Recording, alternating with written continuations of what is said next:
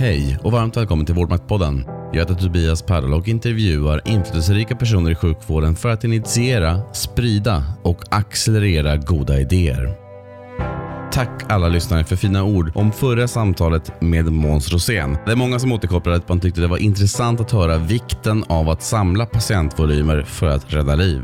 I dagens avsnitt 17 talar jag med en av Vårdsveriges mest inflytelserika läkare och ledare Barbro Fridén, som är VD för sjukhusgruppen Sheikh Khalifa Medical Center i Förenta Arabemiraten på uppdrag av den svenska sjukvårdskoncernen Global Health Partner, GHP.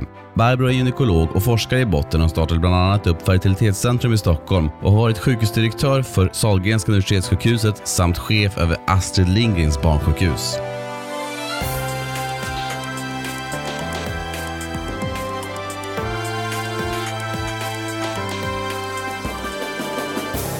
Idag talar vi om hur det var att bo långa perioder på sjukhus som barn på 60-talet. Om att som gynekolog få vara med om när barnlösa får barn. Om att se och att bli sedd som chef. Och om hur värdebaserad vård förbättrar Sahlgrenska idag. Och om att jobba med sjukvård i ett arabiskt kungadöme. Ja, och mycket annat såklart. Marhaba och välkommen till Vårdmaktpodden Barbro Fridén. Tack så mycket. Hur står det till med dig idag? Det är alldeles utmärkt. Du är ju bara på blixtvisit kan man väl säga här i Sverige några dagar. Annars bor och jobbar du numera i Förenade Arabemiraten. Ja, det stämmer. Vad är din spontana reflektion om att warpa in så här i svensk kontext? Ja, det är kul att vara hemma. Eh, fantastiskt vårljus. Jag blir helt berusad av våren. Och det är hemskt roligt att träffa gamla kollegor här på Karolinska. Det är väl riktigt varmt där nere nu? När det blir så riktigt varmt, mm. hur, hur copar man med det? Man håller sig inomhus i AC. det, det, är så? Ja. Det är alltså, jag, jag var på besök där i somras och då var det 48 grader och det var som att gå in i en vägg. Har du lärt dig någon arabiska? Väldigt lite. Jag hade stora ambitioner, men jag har faktiskt inte hunnit. Jag har hittat en lärare, så jag tänker ta kurs och vi har bestämt i ledningsgruppen att vi ska ta en gemensam timme varje vecka. Engelska är arbetsspråket. Arbetsspråket. Hur är det? Ja, vad kan vi säga? Att vårt arbetsspråk är bad English. För att det är nästan ingen som har det som modersmål. Så att vi, vi misshandlar detta språk i varierande grad. Eh, men vi gör oss förstådda och det fungerar. Vi är 20 nationaliteter på sjukhuset. Eh, så att eh, vi måste ha ett gemensamt språk. Och som sagt, vårt gemensamma språk är bad English.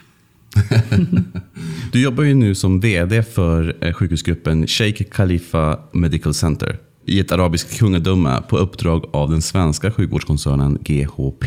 Vill du berätta med egna ord vad du jobbar med numera och vad GHP har fått ansvaret för att åstadkomma? Eh, GHP, Global Health Partner, eh, har fått ansvaret att starta upp offentlig sjukvård, eh, eller managera, leda offentlig sjukvård i, i en liten sjukhusgrupp på fyra enheter. Eh, så att vi ansvarar för eh, sjukvården i ett litet emirat med ungefär kan det vara 400 000 invånare. Eh, och eh, GHP tar då ansvar för att, att det finns en ledningsstruktur och en ledningsfilosofi för det här. Sen så ägs och drivs eh, sjukhusgruppen av ministeriet. The president, presidential ministeriet. Så att det, vi är bara där för att leda och inspirera och ta sjukvården från en rätt basal nivå som vi befinner oss nu till modern sjukvård med modernt svenskt ledarskap. De har hyrt oss på fem år.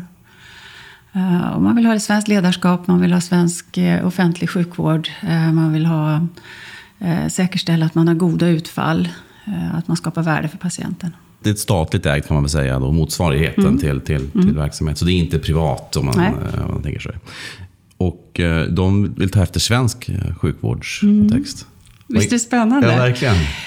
Ja, nej men alltså, precis som överallt annars så, så, har man ju stigande sjukvårdskostnader. Man måste fundera över kostnadseffektivitet och man har insett att den stora variationen i utfall och också det lapptäcke av privata vårdgivare som, som eh, finns i Förenade Arabemiraten inte är bra för patienten. Så att man vill ha, man har tittat sig omkring, vilka driver offentlig sjukvård bra? Och så kom man fram till att Sverige gör det. Eh, man var intresserad av just att få värde för patienten, den här värdeekvationen. Och då hittade man eh, Global Health Partner eh, sen har ju Global Health Partner funnits där nere i sex år och drivit en, en diabetesenhet på just det värdebaserade sättet. Och fått fantastiskt fina resultat. Och det visste man ju om. Så att man, man bjöd in Global Health Partner att bjuda på det här. Hur stora är sjukhusen här? Ja, det är ju inte Alltså antal jätte- anställda kanske? Ja, vi ska, i slutet på året ska vi vara uppe i tusen anställda, så det är inte jättestort. Det är ju en ganska liten Ja, verksamhet ja. mot för din... Mot min förra, ja. och vi tio som är i ledningsteamet har alla lett mycket större verksamheter tidigare. Men utmaningen är ju en annan. Vilken stad är det här? Eller var, var ligger Eh, staden heter Ajman. Ajman. Eh, och den ligger ungefär 45 minuter norr om Dubai. Så jag bor i Dubai Okej. och pendlar. Mm. Jag måste fråga Barbro, ditt efternamn stavas ju med en apostrof. Ja. Har det gagnat eller har det försvårat din tillvaro under åren? det är svårt. Alltså i Sverige går det ju bra, men, men eh, överallt annars är den ju bara i vägen. Vad är ditt eh, första minne av sjukvård? Ja, jag låg ju faktiskt på Saxka barnsjukhuset som barn. Jag hade atopiskt eksem och på den tiden så vårdades man inneliggande många veckor på sjukhus. Det var innan det fanns kortisonsalvor. Jag kommer ihåg när de kom. Det var som en revolution, för då gick jag ifrån de här kärsalverna som mamma smörjde in mig med på kvällarna till en kortisonsalva som tog bort hela eksemet på två dagar. Och sen blev jag frisk. Så det var en rätt revolutionerande upplevelse. Eh, jag minns Saxka barnsjukhuset. Man låg på salar med tio barn i varje sal. Och jag minns att den snällaste personen på hela avdelningen var städerskan, för hon pratade alltid med oss.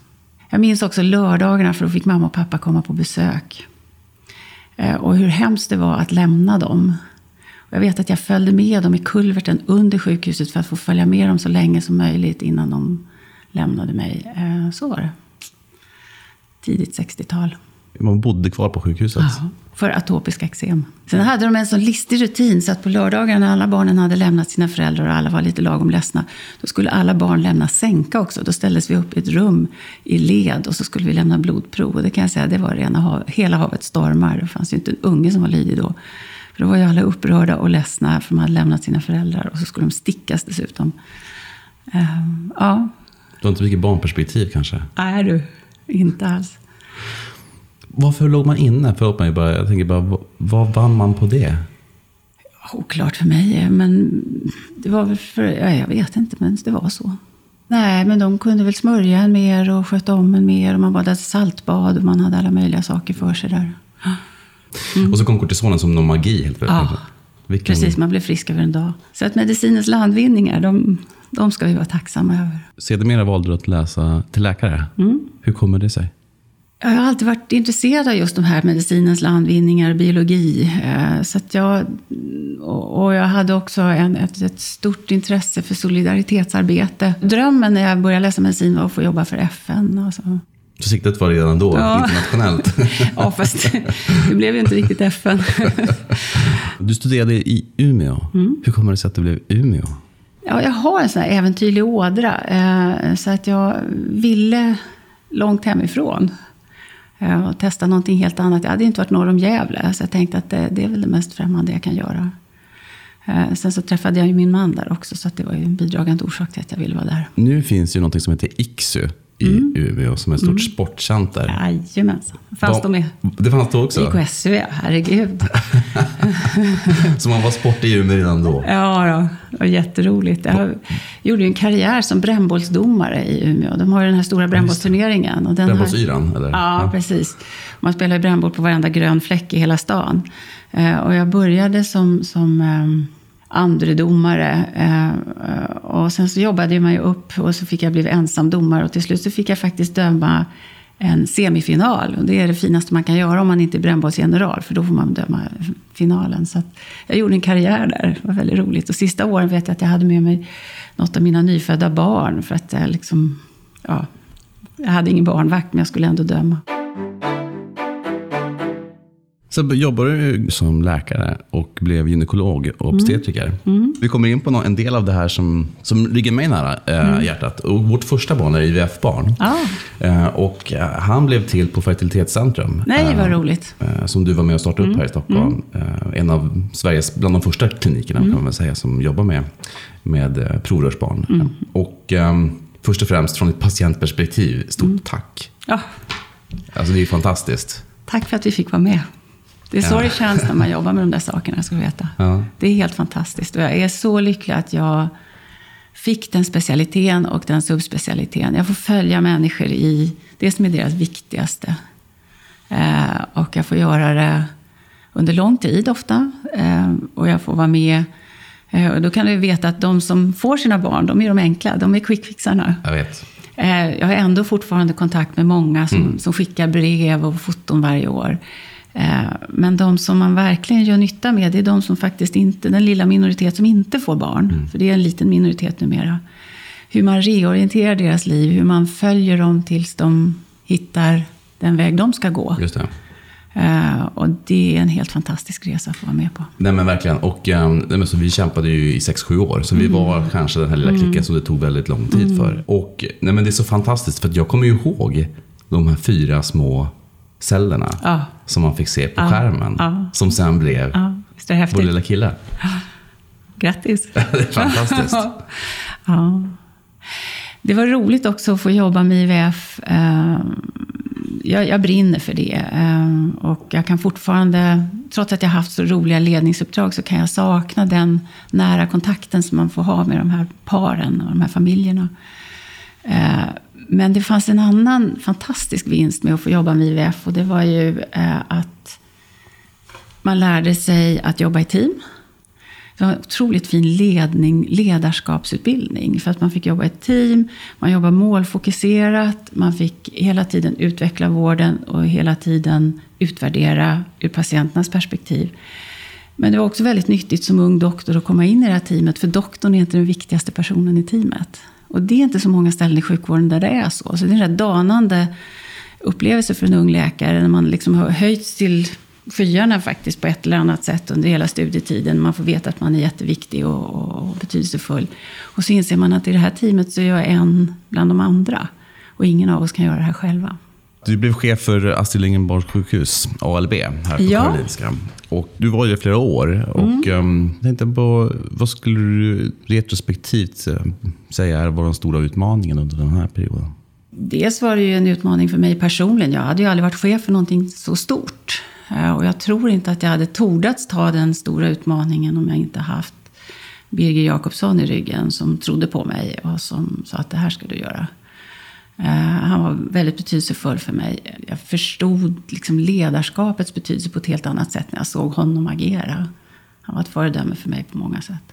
Han var en närvarande ledare i alla lägen. Och han underskattade aldrig hur svårt det var. Vi pratade om att vi plockade ogräs, att man, man hela tiden måste förändra. Man hela tiden måste förbättra sig lite grann. Och man måste hela tiden värdera vad man gör. Man kan aldrig vara nöjd. Eh, han är en enormt ambitiös människa eh, på sitt lågmälda sätt. Sen så var det ju, vi gick igenom en rätt turbulent period på, på barnsjukhuset med stor mediebevakning. Och eh, vi fick också, under en period så tror jag nog att våra patienter var tveksamma till om de tordes lita på oss eller ej. På grund av den här mediebevakningen. Det var ju nästan varje vecka så hade Aftonbladet någon ny ny berättelse om något misstag vi hade gjort. Och det berodde ju på att vi hade, jag hade bestämt när jag kom dit att vi skulle jobba med patientsäkerhet och vi skulle börja rapportera det vi gjorde.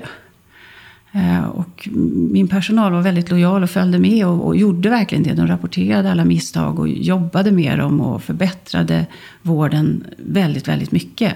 Men det här är ju offentliga handlingar så det var ju väldigt lätt för media att, att gå in och, och läsa våra avvikelserapporter. Så det fanns ju något att hämta varje vecka eftersom vi var så duktiga att rapportera. Och det här blev till slut en ond cirkel under en period för oss. Så att jag var tvungen att, att verkligen tänka igenom hur lotsar man den här organisationen igenom en sån kris. Och det lyckades vi med eh, genom väldigt, väldigt hårt arbete och fint lagarbete tycker jag. Eh, från många väldigt duktiga chefer på barnsjukhuset. Och den bästa dagen där på barnsjukhuset var väl då när vi hade hållit på i tre år med det här och varit otroligt mediebevakade. Och så ringer eh, en journalist från DN till mig och säger du jag skulle vilja intervjua er för att jag har ringt till Socialstyrelsen och frågat var patientsäkerheten hanteras bäst i Sverige. Eh, och vad man är duktigast på avvikelserapporter. Och de har hänvisat till dig och säger att ni är bäst på det på Astrid Lindgren. Jaha, sa jag, men då kan du få komma och intervjua oss. Och så kom han och vi gjorde en lång intervju och gick runt på sjukhuset och, och så. Och sen skulle jag åka hem till Göteborg, det var en fredag. Och så på tåget hem så ringer han och säger du, alla bilderna blev misslyckade, jag måste få ta en ny bild. Ja, så jag, jag åker inte tillbaka för några bilder. Men du kan få träffa den som är, är bakjour i helgen. Jag råkade veta att det var kirurgchefen som skulle vara bakjour. Så jag ringde till, till eh, honom och så sa jag det att eh, Hörru, du, du, får, du får ställa upp på lite bilder här imorgon. Du får gå in på sjukhuset. Ja, så alltså jag har ingen lust att stå på bild och sådär. Men ah, de kan väl få ta lite operationssalar och så. Ja, ja, så du bestämmer ju vad du vill. Och sen så såg jag första sidan på Dagens Nyheter. Hela första sidan var en bild på honom med våra checklister på operationssalen. Så tänkte jag, bra gjort här. eh, och där utmålades vi då som ett föredöme för hela Sverige när det gäller patientsäkerhet och rapportera avvikelser. Och då kände jag att då hade vi kommit hem.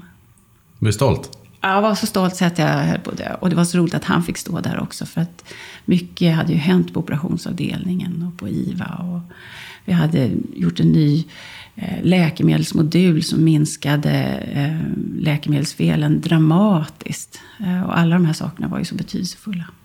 Du blev sedermera också rekryterad över till att bli sjukhusdirektör på Sahlgrenska universitetssjukhuset. Sveriges faktiskt största sjukvårdsarbetsplats. Mm.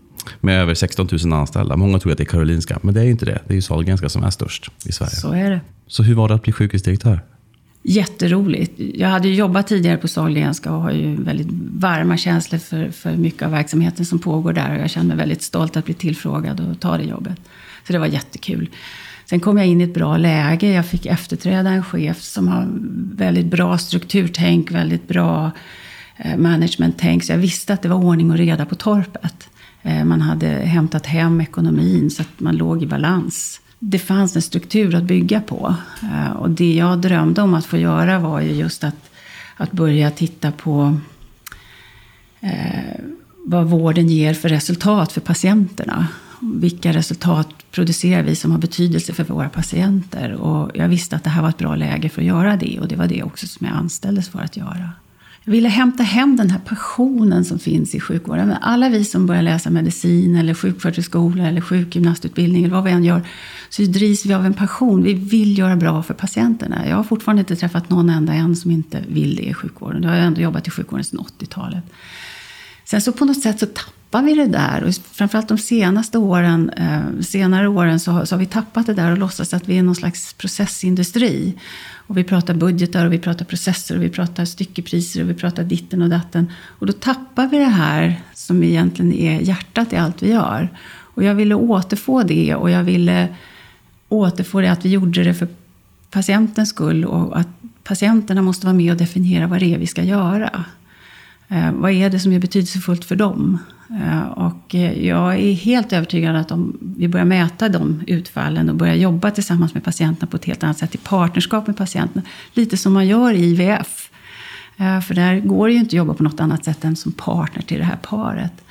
Men om man kan sätta det på, på, på en hel sjukvårdsorganisation så får man ett mycket, mycket bättre utfall. Man sparar resurser och man eh, minimerar varianser. Jag tror att ett av de största problemen i sjukvården är att vi accepterar en så stor variation i utfallet. Det kan ju skilja en 10 potens mellan den bästa och den sämsta. Både när det gäller det medicinska utfallet men också när det gäller kostnads, eh, kostnadsbiten. I min egen verksamhet tittar på, på olika sjukhus i Sverige och i Skandinavien när det gäller eh, förlossningsskador. Varför accepterar vi en så stor variation mellan olika sjukhus? Eh, det är ju inte acceptabelt och det ju, kan ju ge livslånga handikapp till kvinnor som har fött barn. Så varför accepterar vi det stillatigande? Ja, mycket för att vi inte mäter det. Mycket för att vi inte har frågat patienten vad som är viktigt för dem. Och mycket för att vi inte törs publicera det. Va? Vi visar ju inte öppet. Som patient vet ju inte du vilket sjukhus du ska söka för du får aldrig veta deras resultat. Och det här vill jag ändra på och, och det var det uppdraget jag fick. Om du typ blickar tillbaka på din eh, tid som chef och ledare i sjukvården. Vad skulle du vilja råda den som tar sina första stapplande steg som chef? Ja, för det första så ska man nog bara ta chefsuppdrag som man är intresserad av och tycker verkar roliga. Man måste tycka att det är kul att vara chef. Man ska inte ta ett chefsuppdrag bara för att man står på tur eller för att hindra någon sämre att få jobbet, vilket ofta händer. Utan man ska göra det av genuint intresse och vilja att göra det. Sen måste man nog lära känna sig själv tror jag. För att man, blir, man använder sig själv som instrument många gånger i chefssituationen. Sen måste du lära känna dem du ska leda. Du måste verkligen känna dem och du måste vara ute och prata med folk. Du måste kunna din verksamhet. Så att de första vad ska vi säga, månaderna, kanske första året, är väldigt mycket plugga, lära dig, eh, skapa relationer. En tilltro och en bas för det du vill göra. Jag är en bra strateg och jag kan se de stora greppen framåt och så. Men, men ibland missar jag detaljer. Så att jag vet att jag alltid måste ha någon i laget som är duktig på detaljer och struktur. Och nästan lite så här strukturfascist för att hålla mig på mattan. Eh, och det har jag lärt mig att jag måste ha en eller ett par sådana i laget som, som, som också har en stor frihet att, att, att kritisera mig och gå på när de tycker att jag tappar bort de här detaljerna. Det är en sån svaghet som jag, som jag försöker hantera på det sättet. Och genom att uh, rekrytera in eller samarbeta med andra som ja, är starka på det. och också tala om att det här är min svaghet, du måste hjälpa mig här. Hur brukar det tas emot om man säger en sån sak? bra. Folk förstår det. Även de som är detaljorienterade? Ja, jag tror att de blir rätt nöjda. De får ju fri spelplan där, vet du. Göra det de tycker bäst. ja, det är bra. Mm. Um, saknar du att jobba kliniskt? Ja, jag saknar den här relationen med, med de här paren och med familjerna. Det är en fantastisk resa varje gång att få göra med dem. Men eh, det är så spännande att vara ledare och det är så spännande utmaningar så att jag hinner inte tänka på det så mycket. Men ibland så slår det mig. Och ibland när jag får ett brev och en bild på något barn som jag vet att jag har varit med att hjälpa till världen så är det ja, så bränner det till lite. För det är en sån omedelbar behov, liksom, lycka eh, att få tillsammans med de här familjerna. Som ledare och som förebild för många, skulle du kunna ge oss några tips på hur man lyckas med att få ihop det här med work-life balance? Är det någonting som du jobbar med? Nej, det vet jag inte med jag är rätt person till. Jag är helt på det klara med att jag hade inte klarat något av det jag gjort utan min familj. De är min absolut största energikälla. Och jag har ju vuxna barn nu som lever sina egna liv, men de är fortfarande en, en stark källa till, till energi för mig. Eh, och min man är ju min partner och min bästa vän.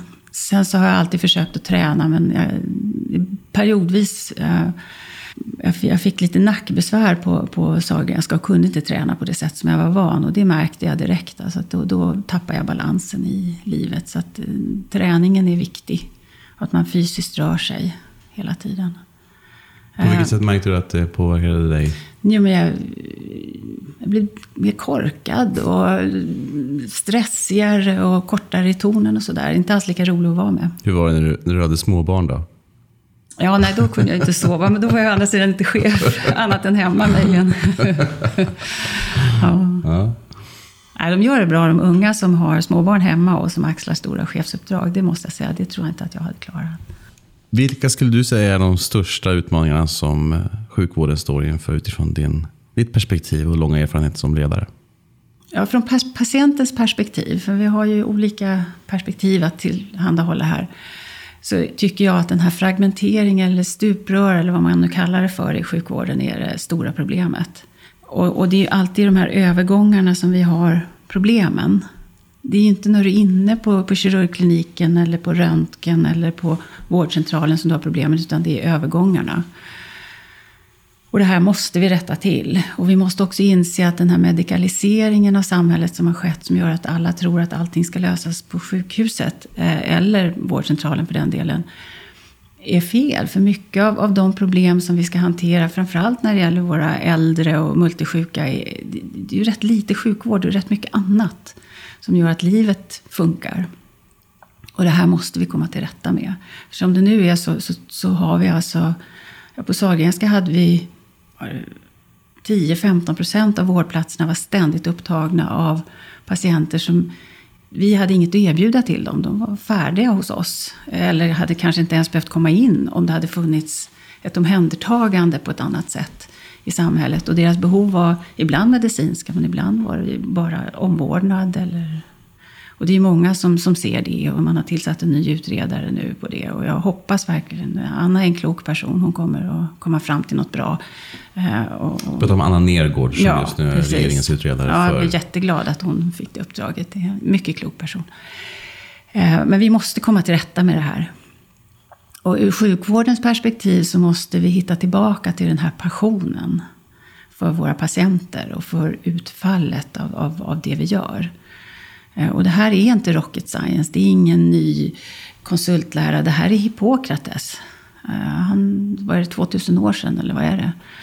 Så det, det är liksom, vi måste hitta tillbaka det, för då kommer eh, de som jobbar i vården att, att kunna ge sitt bästa och göra det med glädje och trivas. Vi har ju en, en, en alltför stor omsättning av framförallt sjuksköterskor, men även på andra nu har vi hört de sista veckorna här om, om, om att eh, allmänläkarna har det lika tungt i princip. Och många är uppgivna. Och vi, vi har inte råd med det. Vi saknar inte sjuksköterskor, vi saknar inte läkare heller. Vi bara använder resursen fel, om man nu får uttrycka det som en resurs. För det är det ju. Många skulle nog kanske hävda att ja, men, titta, det är väldigt mycket vårdplatsbrist runt om i Sverige. Det är så mm. tomma mm. avdelningar på grund av sjuksköterskor som inte jobbar längre. Eller att man mm. saknar öppet flera hundratals sjuksköterskor. Um, vad tror du det beror på? Det andra är också hur vi arbetar. Det, det, låter ju som att det bara skulle finnas ett sätt att arbeta på och då har vi för få sjuksköterskor eller för få läkare för det arbetssättet. Vi hade ju en, en testavdelning på Sahlgrenska som var väldigt rolig. Vi, vi, blåste ut en hel kirurgavdelning och sen så anställde vi en väldigt duktig projektledare. Och så sa vi till henne att du får nu sätta upp avancerad kirurgisk kolorektalvård här. Eh, men din enda instruktion är att du får inte göra på det sättet som vi har gjort det hittills.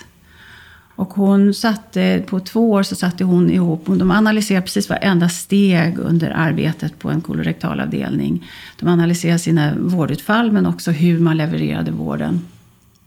Och efter ett par år så kunde man konstatera att man, eh, alla som arbetade där fick jobba på toppen av sin förmåga. Man hade mycket färre sjuksköterskor men de jobbade med väldigt specifika sjuksköterskeuppgifter och på toppen av sin förmåga. Man hade undersköterskor som jobbade på toppen av sin förmåga. Man hade helt nya personalgrupper som kom in. Eh, Vilka då? Eh, mycket administratörer faktiskt. Eh, och det, det är ett fult ord i sjukvården men gör de rätt saker kan jag säga att då är det helt fantastiskt.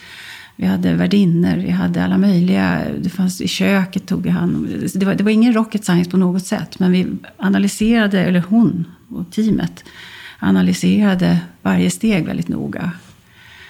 Men bara en sån sak som journalföring. De, de gick verkligen igenom hur för vi journal. Och då kunde man konstatera att läkare eh, de får journal efter en viss rutin de skriver in. Och sen så skriver man, beskriver man avvikelser från ett förväntat förlopp. Problemet var bara att man hade inte definierat vad som var det förväntade förloppet. Utan det var ju varje läkares eget huvud vad de tyckte borde vara det förväntade förloppet. Så det blev väldigt olika daganteckningar. Sjuksköterskor däremot, åtminstone när de analyserade, skrev väldigt mycket om vad de gjorde. Eh, och de definierade sin insats den dagen med hur mycket de hade gjort. Och det blev väldigt mycket arbetsmoment som egentligen är rätt självklara som man inte kanske behöver upprepa varje gång i journalen. Och när man då istället gick rond, läkare, sjuksköterska, patient och hade med sig en professionell administratör som skrev det som sades i rummet. Och så enades man tillsammans med patienten att det här skriver vi i journalen idag. Så var ju allting klart när man gick ut genom rummet. Och det blev en anteckning som var värdefull för alla. Eh, så att efter två år så, så skötte den där kirurgavdelningen eh, mycket bättre resultat Eh, 40 procent billigare än vilken annan vårdavdelning som helst. Och när vi gjorde personalenkäter så är det den bästa personalenkät jag någonsin har sett. Alla trivdes. Vi mätte till med stress. Och vi, vi bad Lunds universitet komma och utvärdera hur personalen mådde för att inte vi skulle liksom spegla bilden. Så en oberoende utredning då från Lund visade att de, de som jobbade där trivdes bättre än på de andra avdelningarna. Så det finns en massa sånt man kan göra um, i arbetssätt. Finns det kvar den här avdelningen? Oh ja. ja. Och vi, eh, eh, det tog ett litet tag att övertyga andra avdelningar att börja jobba sådär. Men, men innan jag slutade så satte vi igång på tio andra vårdavdelningar. Ofta när man gör den typen av, om vi nu kallar det för innovation eller förbättringsprojekt och så, så kanske man måste investera först för att få utfallet sen. Mm. Var det även så här? Absolut. Framförallt investera på trovärdighetssidan och kommunikation och tillit. Va? Man måste få folk att våga experimentera. Det är förvånansvärt eh, hur oroliga människor är att, att tordas experimentera. Men tror inte du, jag tänker bara att det kanske också kommer från en kultur där vi, vi är ju inte riktigt uppmanade till att experimentera i vår liksom, gärning. Mm. Utan vi ska använda det, den befintliga vetenskapen som finns och bepröva ja. det erfarenheten. Alltså, mm. Det är mm. det som vi ska göra. Vi ska ja. inte hålla på och hitta Nej. på saker. Men det, det, jag tycker här skulle man ju vilja ha en större ehm, eh, frihetsgrad för vårdens professionella att faktiskt ta ansvar själva. Och ger man dem det så blir de ofta väldigt, väldigt duktiga för de vet hur de ska göra om man ger dem möjlighet. Det finns ju studier som visar um, jag tror på brittiska primärvårdsläkare så har man frågat vad är den bästa belöningen de kan få för sitt jobb. Och det visar sig att de tar autonomi om hur de genomför sitt jobb. Det tar de hellre som belöning än högre lön. Så att kan man liksom frigöra den här kraften och säga att inom den här ramen så får ni agera fritt. Så får man en väldigt stor eh, tillfredsställelse med arbetet och man får ut väldigt fina resultat. Men om det är så lätt och det går så bra när man gör sådana här saker. Varför sprider det sig inte som en löpeld och bara uppstår överallt nästan spontant? Ja, rädslan är vår fiende tror jag. Man, är, man vet vad man har men man är orolig och man vet inte vad man får.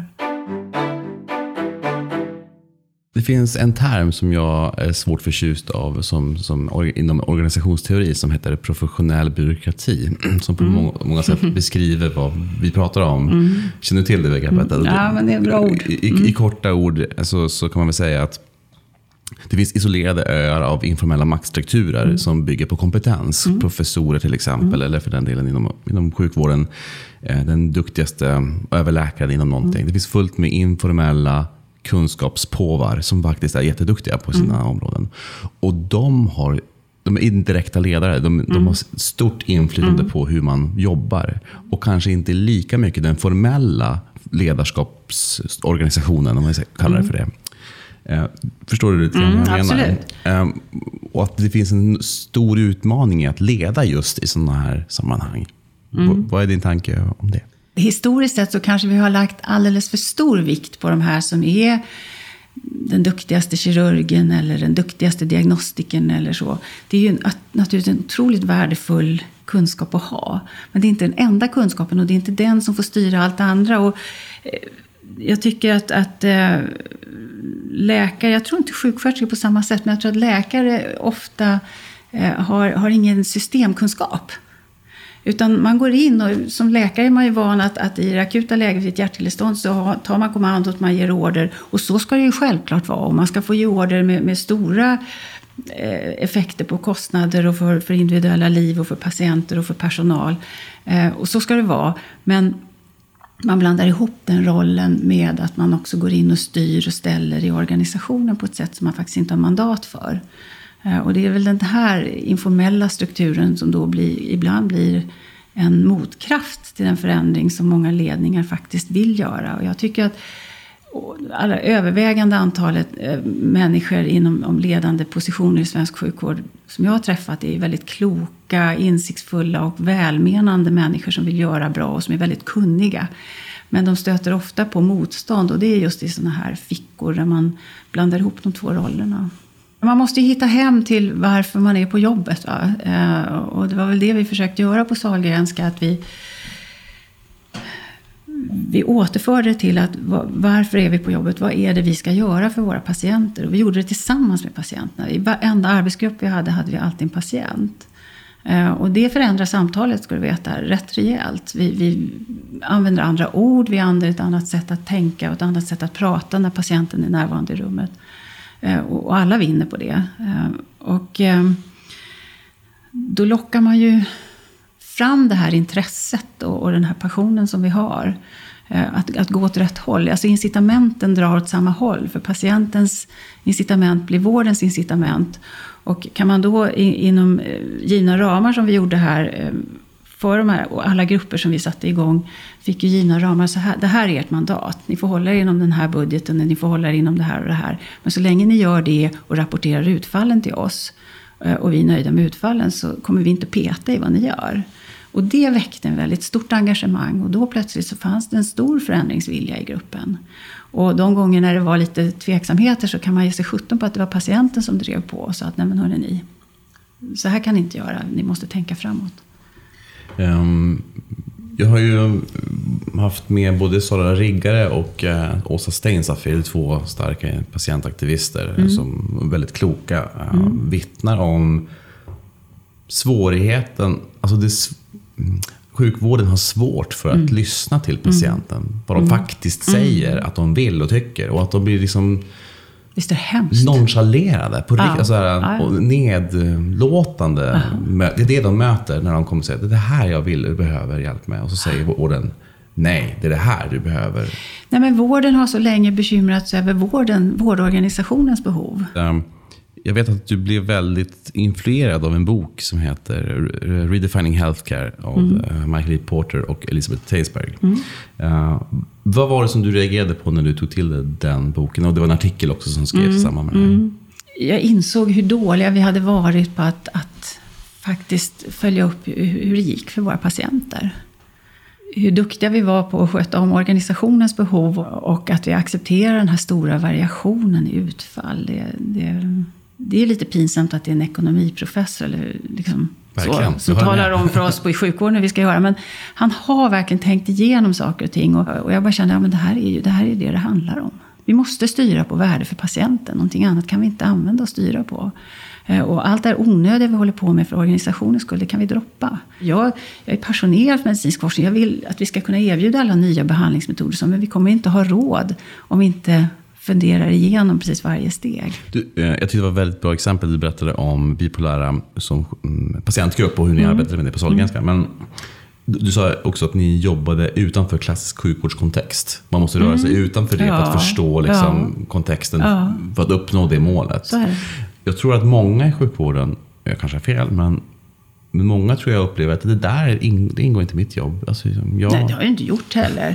alltså, det... och, och tills alldeles nyligen så ingick ju inte sjukhusens roll att, att bedriva preventiv vård, utan det var ju primärvården som skulle göra det. SKL har haft den här fina, jag vet inte om du har sett den där lilla filmen om Margaretas väg genom vården. En fantastisk liten film som SKL har. Som visar Margareta, hon har KOL och hon har alla möjliga åkommor. Eh, och hon har alltså under de sista, nu kommer jag inte ihåg exakt siffrorna, men de sista ett och ett halvt åren har hon legat på IVA kanske elva gånger. Och hon, hon är liksom en VIP-person i vården. Hon får all, och jag lovar att i kvalitetsregistret för varje sånt där IVA-vårdtillfälle så ligger så de jättehögt. Ja. Utmärkta poäng och utmärkta... Men Margareta, när hon berättar om sin sjukvårdsresa, så, så det är ingen som ser mig, det är ingen som hjälper mig och jag sitter här och jag får lite syrgas när jag är på sjukhuset, men sen kommer jag hem och där sitter jag. Eh, och med den vårdkonsumtion hon har haft så skulle hon ju det skulle vara mycket billigare för samhället om hon hade en egen sjuksköterska 24-7 som bara skötte om henne. Eh, och då skulle hon känna sig hjälpt. Så att vi gör ju fel saker på grund av att vi inte sträcker oss utanför sjukhusets väggar. Eh, och sen så tar vi in fel patienter i sjukhusen också. Jag tror att man ska verkligen se till att, att de som kommer till sjukhus, de behöver sjukhusets resurser, men, men alla andra ska få hjälp på annat sätt. Jag, jag tycker Norge är inspirerande där. De har ju liksom begränsat... Mm, Fastlägeförordningen? Ja, mm. de har begränsat tillgången till akutsjukhusen på, på ett bra sätt. Men då måste också finnas något annat för folk att söka. Och här, här har ju primärvården det, det, kan man väl alla enas om att de har dels för lite resurser men också att de kanske inte är organiserade på ett optimalt sätt. Att det ska vara väldigt enkla sjukdomar som man fixar och sen så... Det är organiserat efter det. Eh, och inte efter de faktiskt väldigt komplicerade sjuk, sjukvårdsbehov som finns i samhället. Du menar att primärvården är det? Mm. Mm. Att primärvården egentligen huvudansvar skulle vara den komplexa patienten och att ha ja. koll på den ja. kontinuerligt ja. under många år och se till att vara liksom spindeln i nätet på riktigt. Och, och, inte jobba med de här lätta tillstånden som ändå tarvar en stor del Nej, av deras tid. Det kan väl Kry och sådana fixa tycker jag. För det, det gör ju de väldigt snabbt och lätt och bra. Jag kan se att det finns en stor utmaning i sjukvården att vi inte har adekvat bland annat IT-kompetens mm. överallt. Mm. Och det är många sjukhusledningar runt om i landet. Om man tittar på vilka som sitter i ledningarna runt om i landet. Mm. Där det inte finns någon som har en extensiv IT-roll. Liksom, eh, motsvarande till exempel CIO, alltså någon form av Chief Information Officer. Som kan det här med teknik. När vi går in i ett skede där allting är, har en digital arm eller en, Ja. en aspekt, ett gränssnitt som rör teknik. Men att man inte liksom har den kompetensen och liksom uppe bland de som tar beslut i frågan. Ser du också det här? Ja, jag tillsatte en CIO väldigt snabbt på Sahlgrenska. En mycket begåvad person som, som eh, kan de här sakerna men som också är läkare och psykiatriker i botten. Eh, Och eh, det betyder jättemycket för oss. Anne, vad heter hon? Uh, Anette Falkenroth. Anette Falkenroth, precis. Eh, Ja, jättehärlig och superbra föreläsare också. Ja. Hon var ju otroligt betydelsefull för oss. eh, Men, men eh, det är som du säger att, att, att ehm, men man har ju mycket bättre IT-stöd hemma än vad man har på jobbet. Och det, så kan vi ju inte ha det i den här otroligt komplexa eh, världen som, som vården är. Bara en sån enkel sak som att följa upp vårdens resultat behöver vi ju IT för. Va? Nej, men det är precis det jag menar. Och, och för Ja, att visa resultaten. Eh, ortopederna på Sahlgrenska, de, de körde sitt eget race lite grann och, och brydde sig inte om de begränsningar i vilka system man fick ha och inte ha. Så de skaffade ett system som de tyckte var lämpligt och så jobbade de väldigt hårt med det. Vilket gjorde att överallt när man gick på ortopeden så såg man deras resultat på skärmar. Patienterna såg det, personalen såg det, alla såg det. Och det tankades upp nya resultat varje dygn. Så att man fick förra dygnets resultat på morgonen och så fick man jämföra med, de senaste 12 månaderna. Och det här gjorde att all personal, inklusive patienterna själva, tog ju ansvar för resultatet på ett helt annat sätt. Och när man inte var nöjd så, så blev det ju en kollektiv känsla att men det här är inte tillräckligt bra, det här måste vi göra någonting åt. Varför tror du att vi inte tar in IT-kompetensen eller har den IT-kompetensen? Det är inte IT i sig, utan det är vad ska jag säga, vårdinformationsmiljön. Den, den måste vi sitta på inom sjukvården. Och det viktiga är ju att vi som jobbar med patienterna får ut det vi ska och vet vad vi vill ha. Och sen ska det levereras av de som kan hårdvara och system och sånt. Men jag upplever ändå att vi inte har de personerna.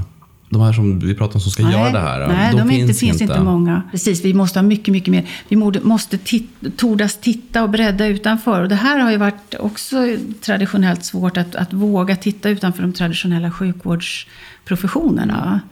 Eh, och, och jag blev precis som alla mina företrädare som sjukhusdirektör på Sahlgrenska kritiserad av, av, Vårdförbundet och Läkarförbundet om jag anställde administratörer som man sa. Det var av ondo. Och jag måste säga att det, det, det beror väl väldigt mycket på vad de här administratörerna gör. Kan de bidra till kunnande om hur vi kan få tanka in våra resultat och våra IT-system och hur vi kan få till bra appar som får att patienterna faktiskt får bättre liv och en bättre hälsa. Så eh, sådana administratörer vill jag ha många av. Om vi blickar utåt och internationellt. Um, vilka sjukvårdsutmaningar har ni i Förenade Arabemiraten och Dubai som vi inte har i Sverige? Eller Man har inte haft någon central styrning eh, av sjukvården. Utan det har varit en massa eh, privata aktörer som har gjort ett, ett, som jag tycker, alldeles för sönderhackat lapptäcke av sjukvården. Så att eh, patienterna shoppar runt. Eh, och det finns inge, där finns det verkligen en problematik om hur man lotsas igenom olika sjukvårdsorganisationer. Man känner sig delvis lurad av det som har varit. Att, att folk har kommit ner som lycksökare för att det har funnits väldigt mycket pengar i systemet. Det gör det ju inte längre. De har ju drabbats av oljeprissänkningar och så. Så att det de vill med oss är ju att vi ska skapa kostnadseffektiv vård. Och jag har en lika sträng budget där som jag någonsin har haft hemma. Så att, men eh, det är ju en situation som vi inte har haft i Sverige. Vi har inte haft för mycket resurser. Och, och vi har haft en, en, en eh, offentlig sjukvård väldigt länge som folk litar på. Offentlig sjukvård där är nästan någonting nytt. I, i Dubai? Eller, Mm. Ja, kontexten. i Ashman där är vi. Mm. Um, och vad medför det för utmaningar? Ja, vi, ska, vi måste ju samla ihop. Vi har ju fått då fyra enheter som tidigare var fristående för varandra. De ska ju mergea ihop och bara göra en merger är ju svårt nog. Eh, vi ska då också skapa ett nytt eh, mer svenskt och offentligt ledningssystem för det. Så det är klart att det är jättemycket utmaningar i det, i det sätt man har arbetat tidigare. Och också få patienterna att förstå att, att eh, de ska vara mer en partner till oss. Inte bara komma för en sak och sen shoppa runt och se någon annanstans. Utan de ska verkligen gå in i ett partnerskap med oss. Så att vi har ett kulturarbete att göra. Hur är det att arbeta som kvinna i en ledande position i ett eh, arabland eller Förenta Arabemiraten? Det går alldeles utmärkt. Ja. Jag har inte haft några problem alls. Um, jag, jag, har funderat en del och jag har fått frågan väldigt många gånger. Men uh, man har ju respekt för auktoriteter. Om man ser en sjukhusdirektör eller en CEO som jag är som en auktoritet. Och det överrider genus. Så att, att jag råkar vara kvinna, ja. So be it. Skylla hår och sånt där, är det någonting nej, som man bör tänka på? I, Dubai är, är nog den mest kosmopolitiska miljö jag någonsin har levt i. Mm. Det är alla nationaliteter där och alla klädstilar och allt. Så Dubai är ju, är ju lite mer som Star Wars än någonting annat tycker jag. På vilket sätt då? Ja, men det är galna hus, det är roliga initiativ och det är liksom... En av shoppingcentren där har man gjort eh, en, en skidbacke med lift och snö och allt. Så du kan åka, du kan hyra eh, slalompjäxor och slalomskidor och, och, och, varma kläder och sen så sätter du liften upp och så kan du faktiskt åka skidor på shoppingcentret. Det är maximalt galet tycker jag, men rätt kul. Skidor? Nej. Nej, men jag står och tittar genom fönstret på folk som gör det. Svensk sjukvårdsmodell på export. Um, jag tänker på att GHP har fått det här uppdraget. Mm. Um, um, är det någonting som du tror skulle fungera även på, i andra länder? Absolut.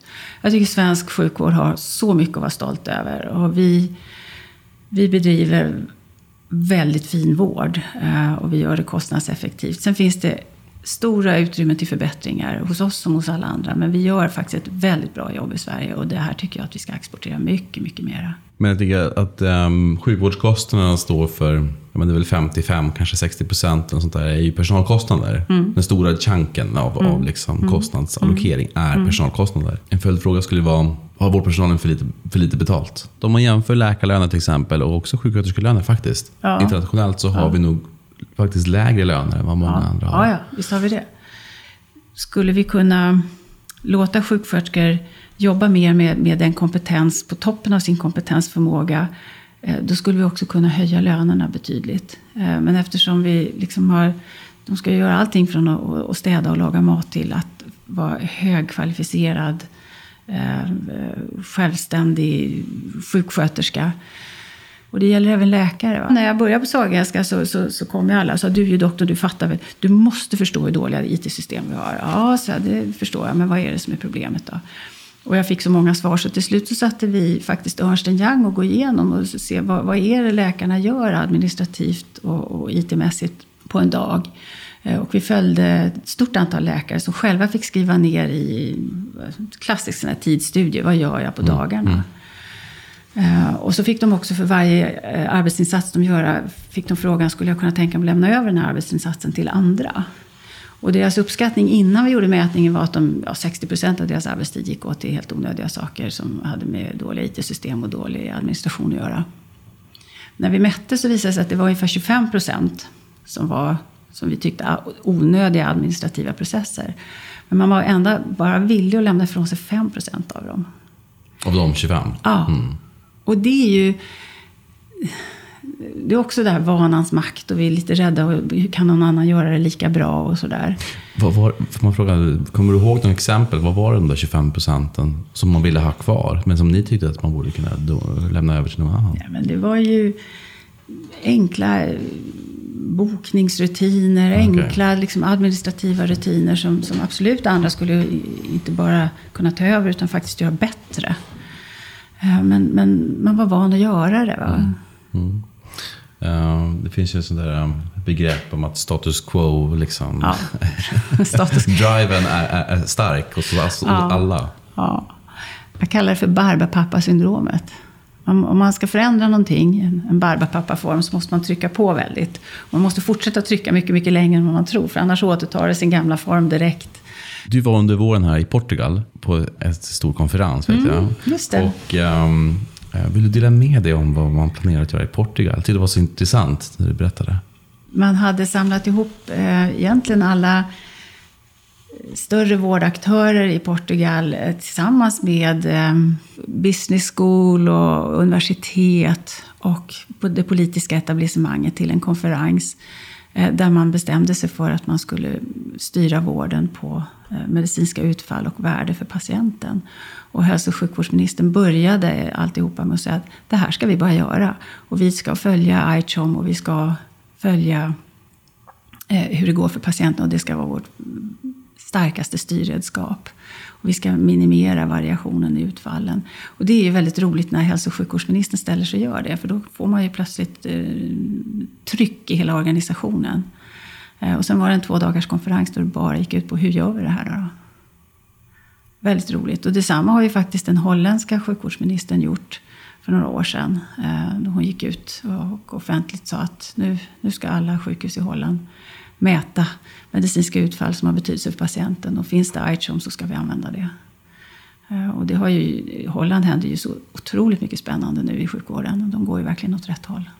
Digitalisering av sjukvård är ju ett hett område som attraherar mångas intresse. Mm. Inte minst Almedalen förra sommaren så var det liksom den stora snackisen. Och många tror att det kommer vara det i år igen. Om vi bara på en hög abstraktionsnivå, eh, bara, vad är dina tankar utifrån din position nu och eh, om, om, om digitalisering av sjukvård?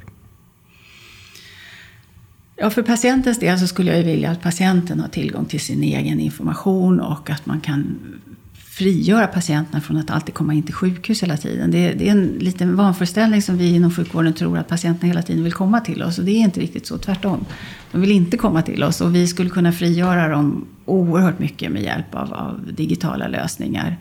Jag tänker på den här KOL-gruppen, KOL-centrum som vi satt i på Sahlgrenska, där man nu börjar följa patienterna med andningsfrekvens i hemmet. Och då ser man ju att när andningsfrekvensen går upp över vad det var, 16 eller något sånt där, då är det dags att ringa och fara ut och träffa patienten hemma och se hur går det för dig. Istället för att vänta på att den blir riktigt sjuk och måste komma in och ligga på IVA. Sådana enkla lösningar finns. Här på Astrid Lindgrens barnsjukhus hade vi så att, att, patienter så unga som 8-9 år kunde ju rapportera hur många gånger de gick på toaletten per dag. Mm. Det kunde de ju räkna till och rapportera till syster på, på nätet. Och då visste man att när, när det blev för många toalettbesök då var det dags att se till för de här tarmsjuka barnen. Hur, hur mår du och är det dags att behandla dig? Så det finns en massa sådana här enkla lösningar. Gaminglösningar som visar sig fungera mycket, mycket bättre när det gäller livsstilförändringar än att doktorn sitter och informerar om att det är farligt att röka.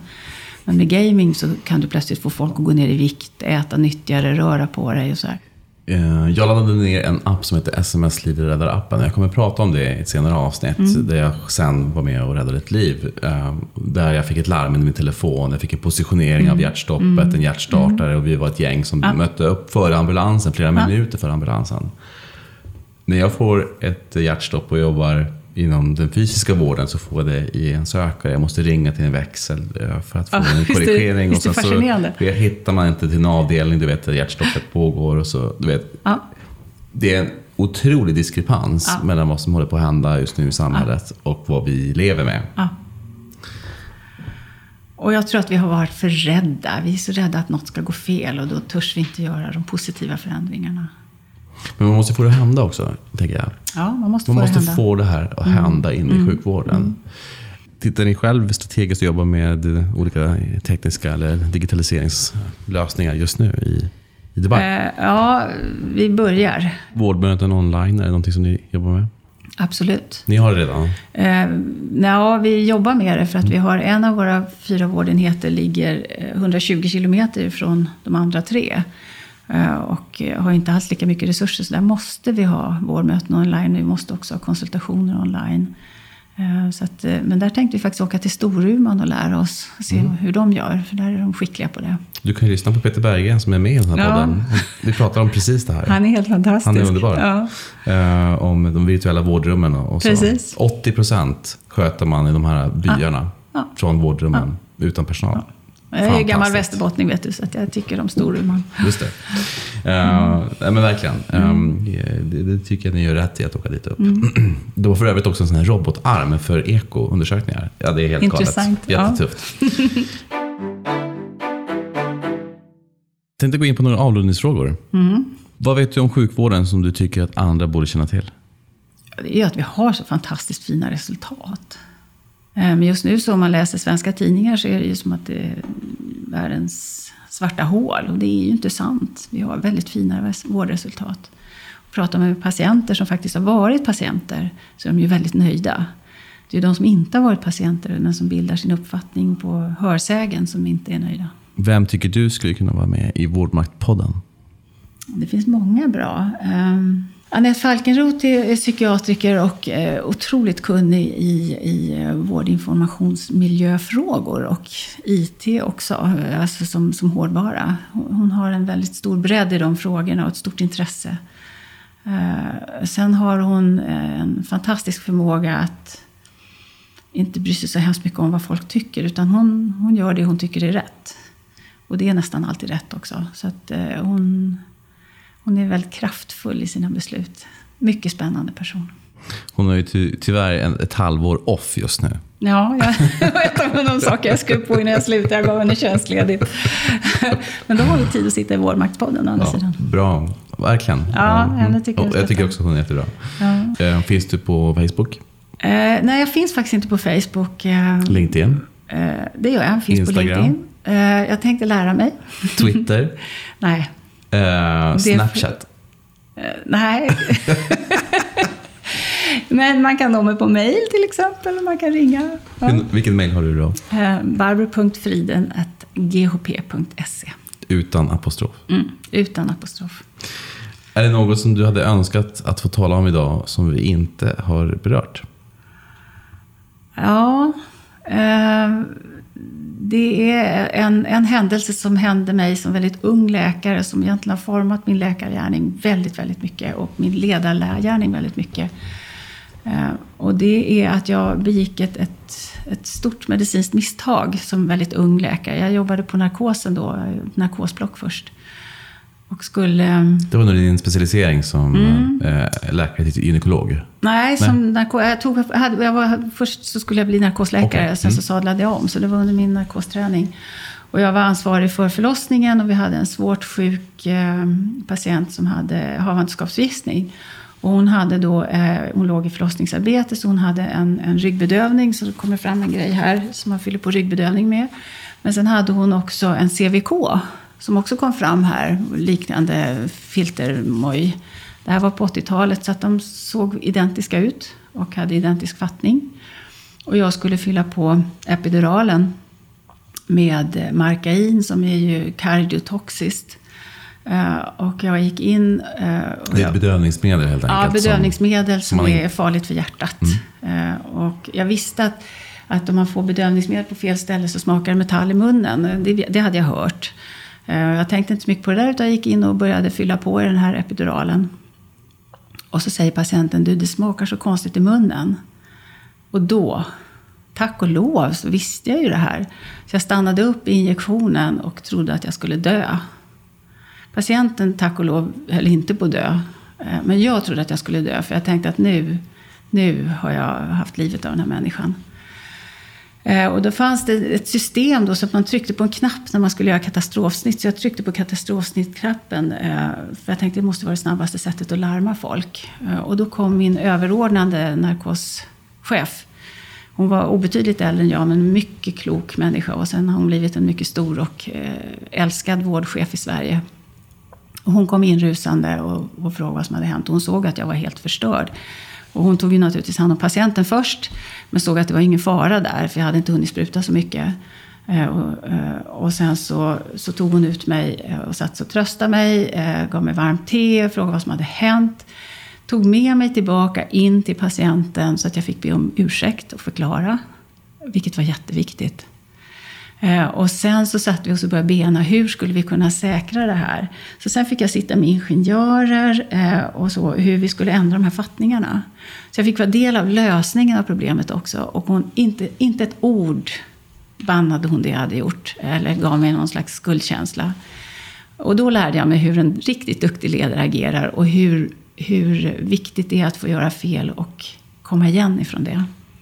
Så det har nog egentligen format mitt yrkesliv nästan mer än någonting annat.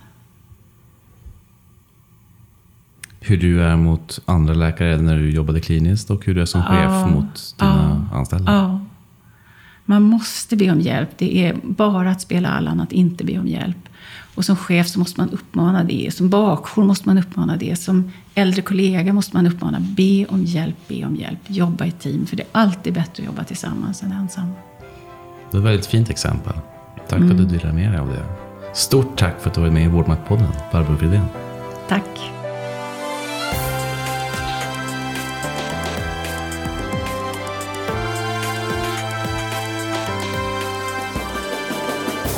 Jag uppskattade verkligen samtalet med Barbro Fridén och jag hoppas att ni lyssnare också går igång på nya insikter. Så skriv gärna en rad på Vårdmaktpoddens Facebook-sida på Twitter och LinkedIn. I nästa avsnitt så talar jag med Hans Winberg, generalsekreterare på stiftelsen Leading Healthcare och jag hoppas att ni vill lyssna på oss. För det börjar med ett samtal, sen är det upp till dig och mig.